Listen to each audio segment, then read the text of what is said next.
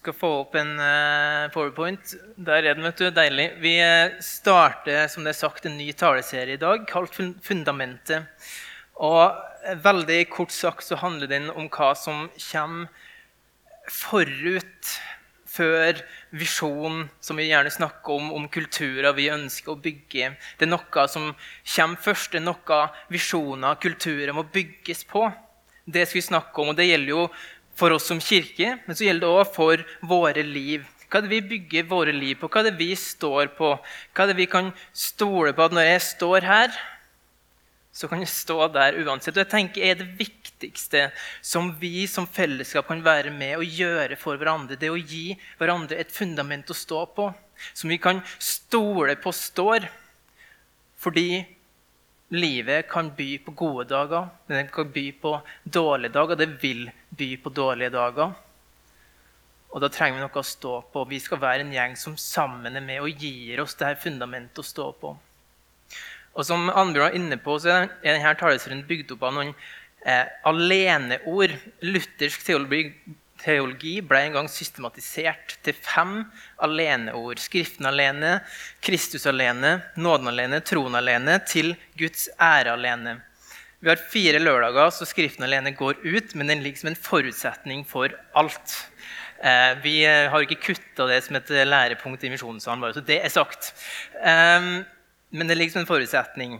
Og Luther sjøl satt jo og, og, og lurte på hvordan i alle dager kan jeg bli rettferdig?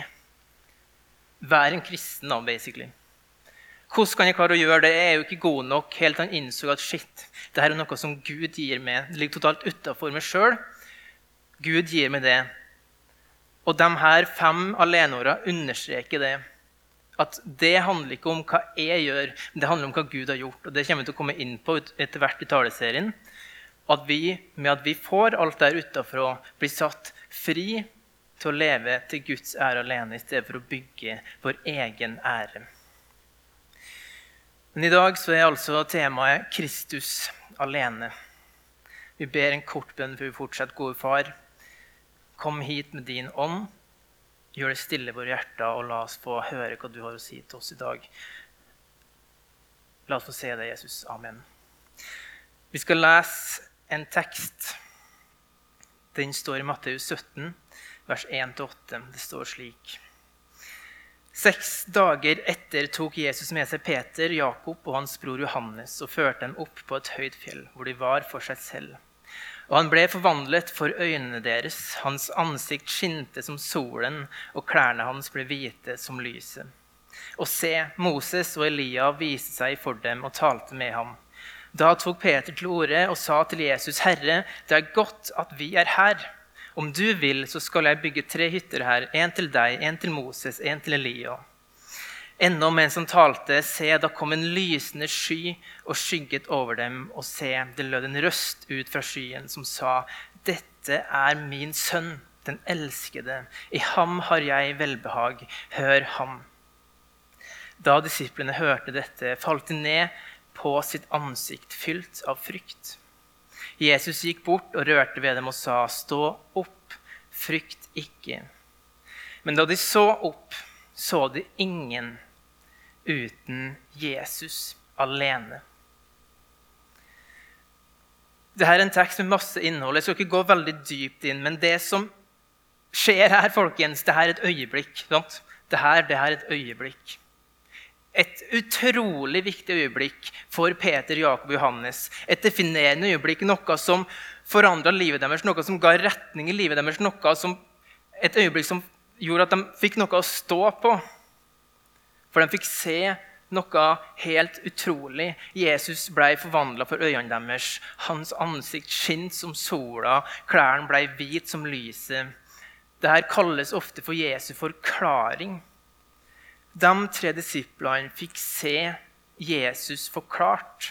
Altså, de fikk se virkelig Jesus storhet, Jesu herlighet.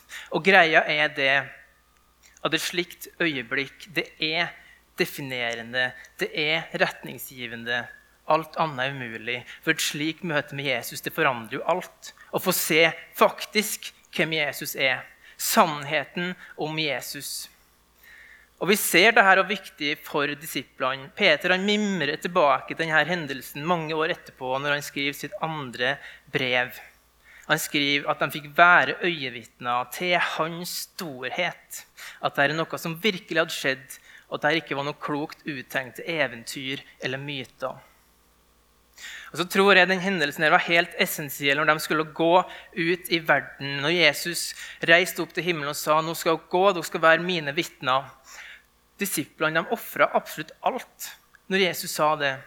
Det endte til slutt med at de aller, aller fleste ga sitt eget liv. De ble henretta. Hvordan i alle dager kunne de gjøre det? Jo, det er jo for at de har fått sett Jesus' storhet, sett hvem faktisk Jesus er.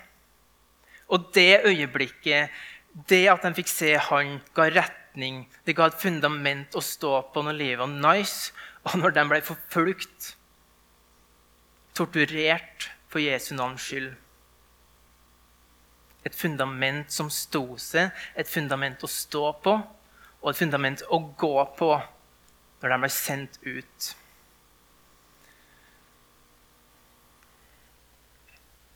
Så er spørsmålet som vi må prøve å stille oss da i denne taleserien, hva er det vi står på, og som vi da dermed kan gå på. Og Det er kanskje ikke noe vi tenker veldig masse over, i hvert fall ikke når livet er nice, og ofte så er det nice. Så tror jeg det skjer noe når livet ikke er så nice. Da tror jeg det skjer noe automatisk i oss. Når livet ikke er så nice, så tror jeg vi ser ned på fotene våre for å sjekke hva det står på. Og så er jo spørsmålet står vi på noe som helse.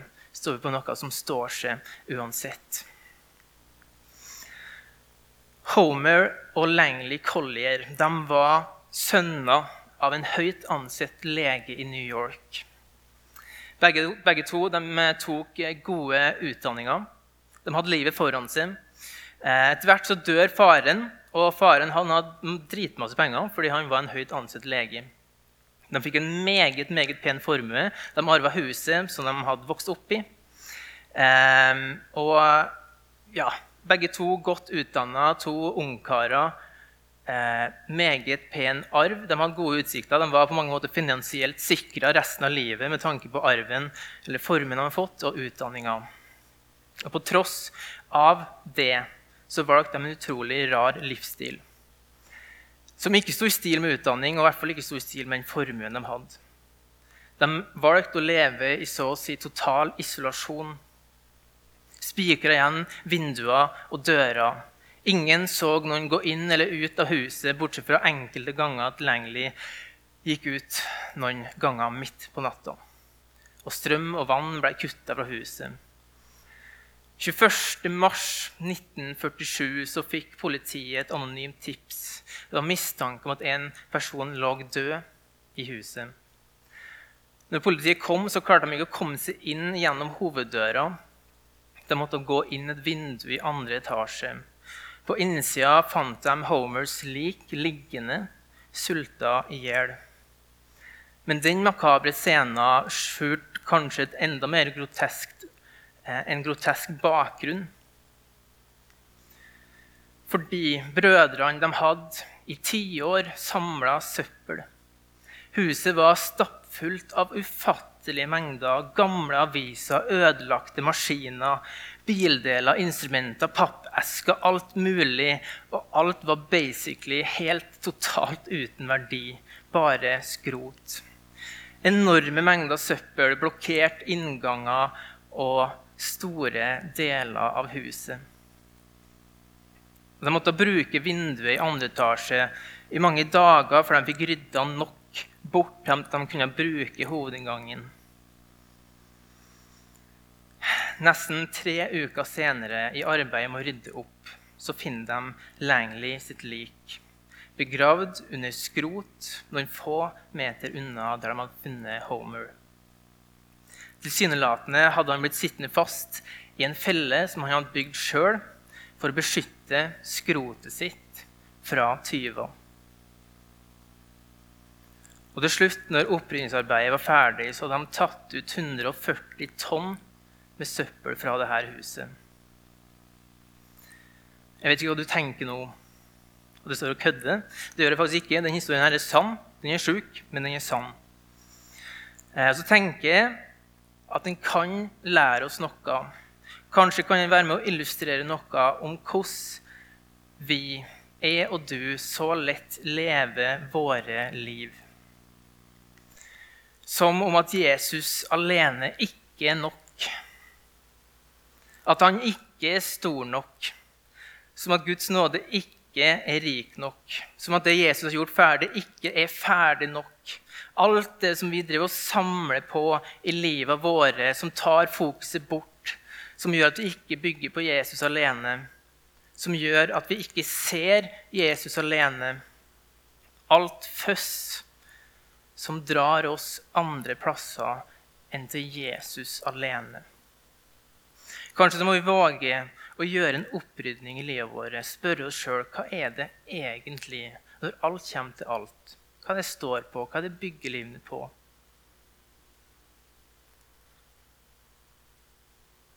Hvor er det egentlig jeg søker?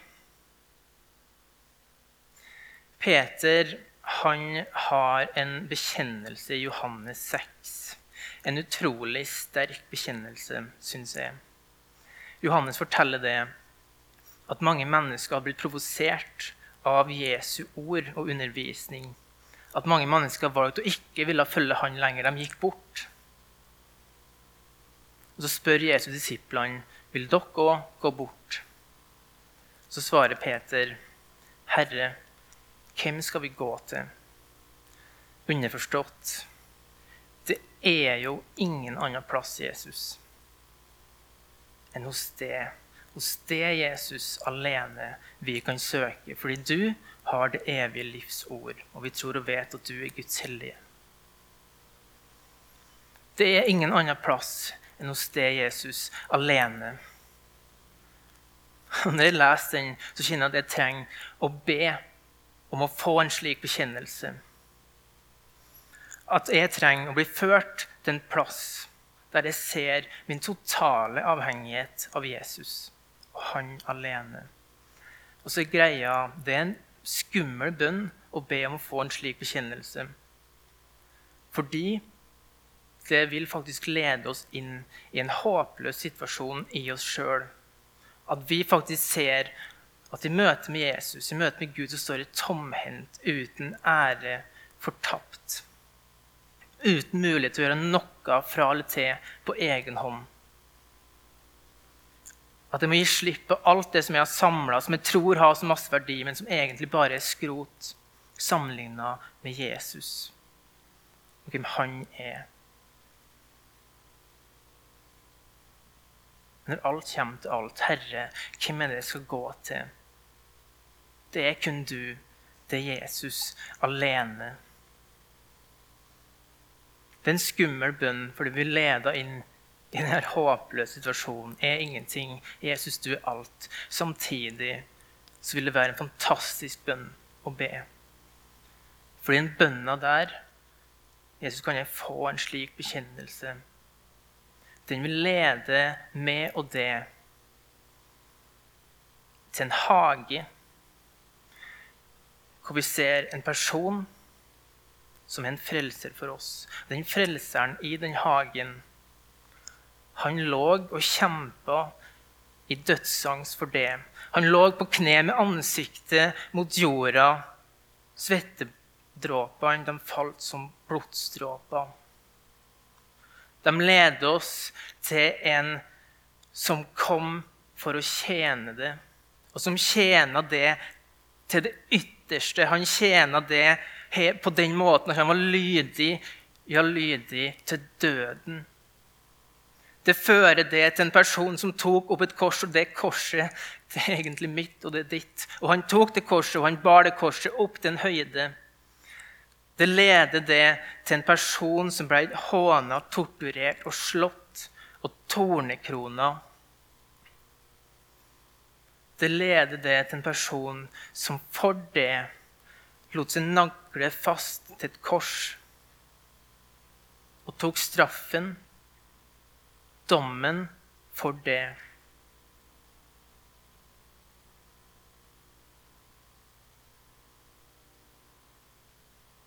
Det leder til Jesus alene. Det leder til å se at der, i det du, Jesus, har gjort, der har jeg alt. Hvem andre er det å gå til enn noen som har gjort det der for meg?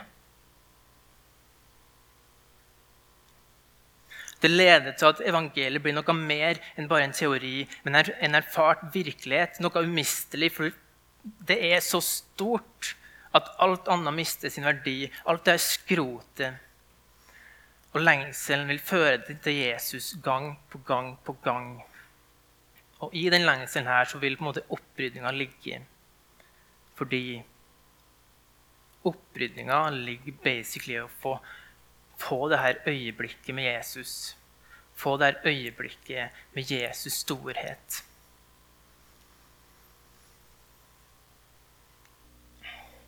Noen har kanskje fått med seg at det har skjedd en del store greier i Asbury i USA de siste ukene. Det har vært en vekkelse blant studenter. Det starta egentlig med et vanlig møte som ble et lite forlenga bønnemøte. Som plutselig ble til et ukeslangt møte der studenter har strømma til, og mennesker har strømma til i flere uker. Og Det er mye som har blitt sagt, og prøvd liksom å analysere hva som har skjedd her og ditt og datt og frem og tilbake. Det har jeg ikke tenkt å gå så veldig masse inn på, men det er to ting som vi kan si med det som har skjedd i Asbury de siste ukene. Det ene er at på den skolen som dette har skjedd på, så har det ligget et fundament i mange, mange, mange år.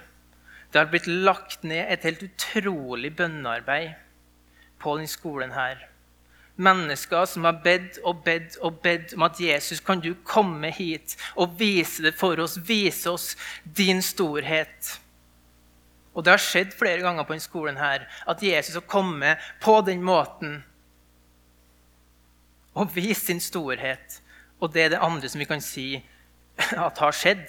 At Jesus har kommet og gitt en lengsel fordi han har fått komme og vise sin storhet.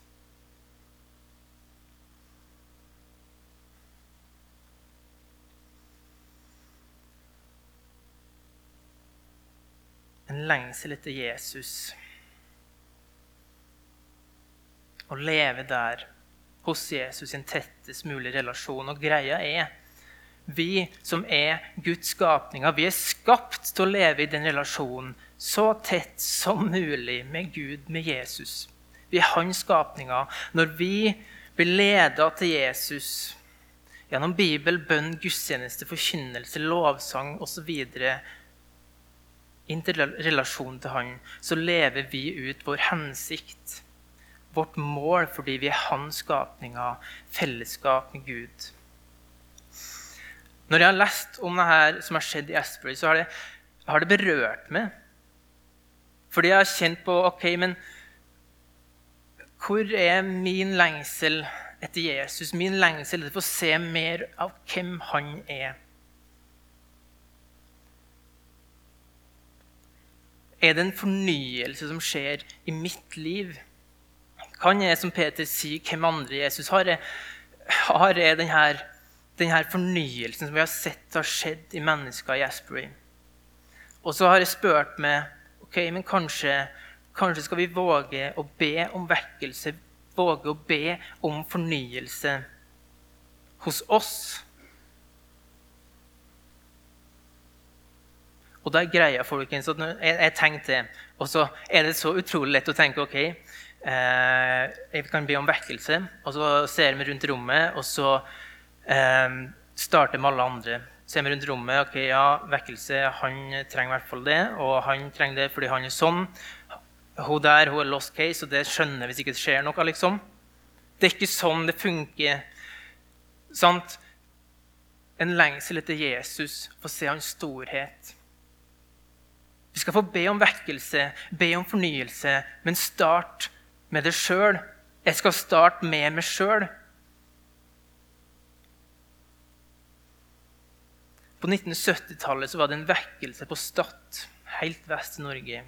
Det sies denne vekkelsen starta med bønnen til et enkeltmenneske som har gått og kjent på en uro over lang tid. Og ba denne bønna over lang tid. Og hun ba Gud, send vekkelse.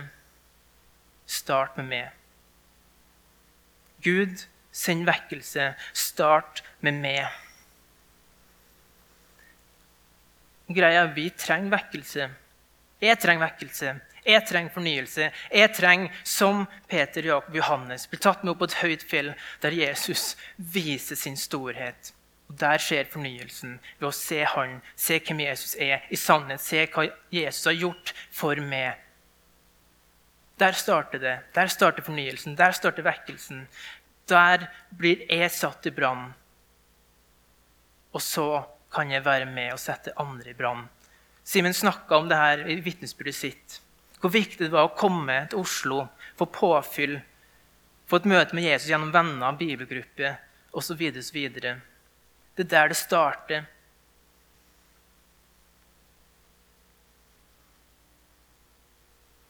Det starter med at vi får lov til å se Jesus, han alene, i hans storhet, hans herlighet. Paulus han ber en bønn i Efeseren som kan bli vår bønn og hvis det her skjer, så tror jeg det fører til vekkelse. At vi, du og jeg, blir i stand til å fatte det er utrolig grensesprengende som vi har med å gjøre. Blir i stand til å fatte bredda, lengda, høyda, dybda. Ja, kjenne Kristi kjærlighet som overgår all kunnskap. En lengsel etter Jesus, han som har elska oss til det ytterste. En bønn om å få lov til å se Jesus, hans storhet.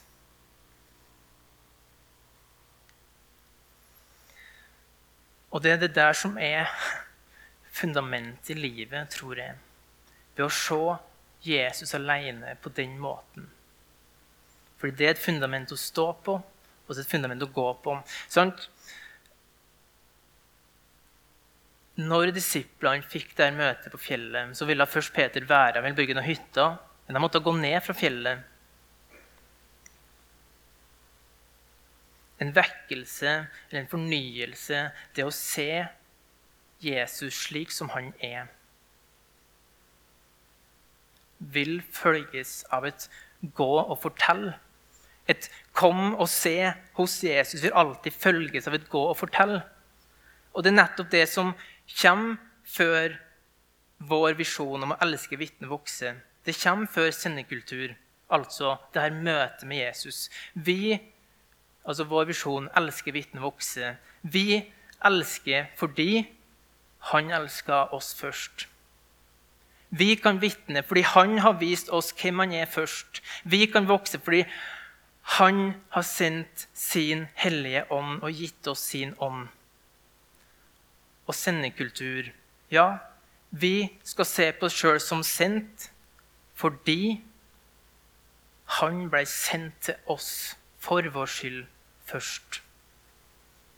Han først. Kom og se. Følgen er gå og fortell. Da har vi fundament å stå på, bygge på, gå på. Et fundament å reise seg på. Hva er det du vil reise det for? På hva måte vil du være med og bety en forskjell? Dere lever i en veldig viktig tid av livet deres. En definerende tid, en tid som er på en måte formativ. De valgene du tar nå, vil gi retning i hvordan livet ditt blir videre. Du snakker om det her øyeblikket på Peter Johannes Jakob. Et øyeblikk som helt, helt sikkert var definerende, helt sikkert var retningsgivende. Hva retning ønsker du å ta? Hva vei vil du gå? Hva vil du reise deg for? Og kraften i at noen reiser seg, kraften i at noen går, er enorm. Det vil få ringvirkninger. At du reiser deg og står på noe, på et fundament som står seg uansett, det vil bety en forskjell. Dere som var her på denne eh, pre-eventen til Sent, Sent-konferansen, dere så at Øystein Gjerme viste bildet her. Dette er et ikonisk bilde, kjent som Tankman. Dagen etter massakren på Den himmelske fredsplass, hvor kinesiske myndigheter drepte tusentalls kinesere studenter, sine egne, så reiste den mannen seg, den mannen vi ser her, og så stilte han seg i veien for de her eh, stridsvognene som var på vei inn. Ingen veit hvem han var. Ingen veit hva som skjedde med han etterpå.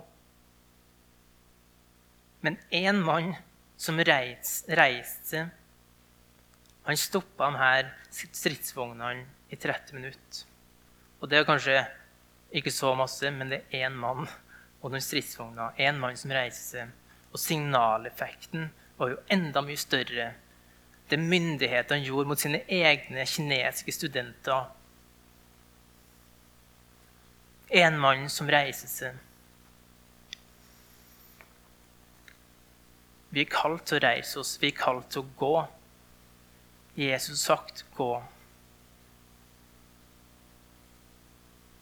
At vi skal se på oss sjøl som sendt til verden for å utgjøre en forskjell. Men det starter med et fundament å reise på. Det starter hos Jesus. Det starter å se Jesus' storhet. Det starter egentlig kanskje med en vekkelse, en fornyelse i oss. Et møte med Jesus som er definerende og retningsgivende.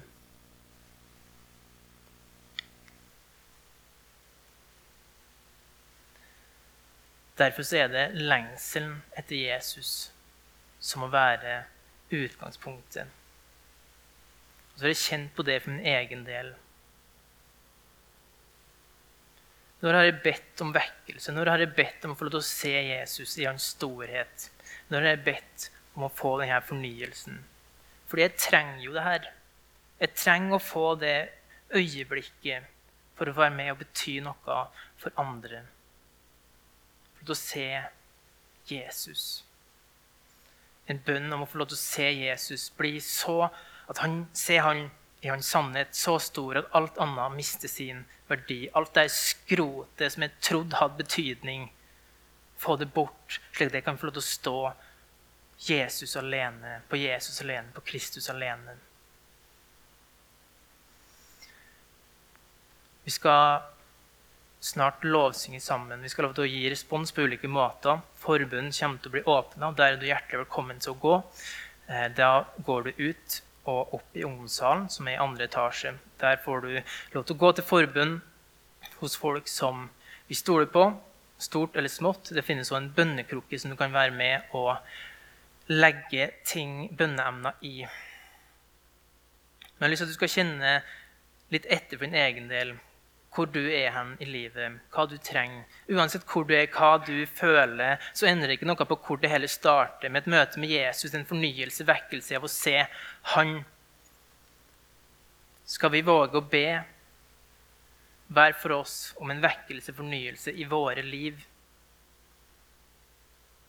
Jeg inviterer dere til å bli med og gjøre denne bønna som vi nå skal be før vi lovsynger sammen og tilber fortsatt videre sammen til en bønn for din del. La oss be sammen. Jesus, jeg ber om at du kommer, og at du vekker oss opp. Jeg ber om at du kommer og fornyer oss. Jesus, vis oss din storhet, din herlighet, slik som du viste for disiplene på fjellet. Før oss en plass der vi ser kun det, Jesus, og det alene din storhet, din herlighet. Gi oss et definerende øyeblikk, Jesus, som gir retning for livet vårt. Vår avhengighet av det. Dra oss til det. La alt i oss starte med det, Jesus. Gud, send vekkelse i våre liv. Send fornyelse i våre liv. La alt i oss starte med det. Og så sender du vekkelse, og så starter du med du starter med oss, Jesus. Sett oss i stand til å fatte bredder og lengder, høyder og dybder i det du har gjort i din kjærlighet, Jesus. Takk for at du elsker oss først. La det være fundamentet i mitt liv, i alle våres liv. Hjelp oss til at det her kom og se etterfølges av et gå og fortell. Reis oss opp, Jesus, utrust oss, gjør oss mer lik det, og la oss bety en forskjell. Takk for at du er hjørnestein, Jesus. Du er fundamentet som alltid står seg, uansett. Takk for det fundamentet som du er. Der kan vi stå og vite at vi kan stå uansett hva som møter oss. Takk for det fundamentet er et fundament som vi kan få lov til å gå på og vite at det står seg. Og på det fundamentet kan vi bety en forskjell. Du vil aldri vakle. Det fundamentet vil aldri vakle. Kom, Jesus, sett oss i brann, fornye oss, vekk oss opp. Ta bort alt skrot som vi så lett samler opp i våre liv, og gi oss det, Jesus. Det alene. Din storhet din herlighet. Du, Jesus, alene.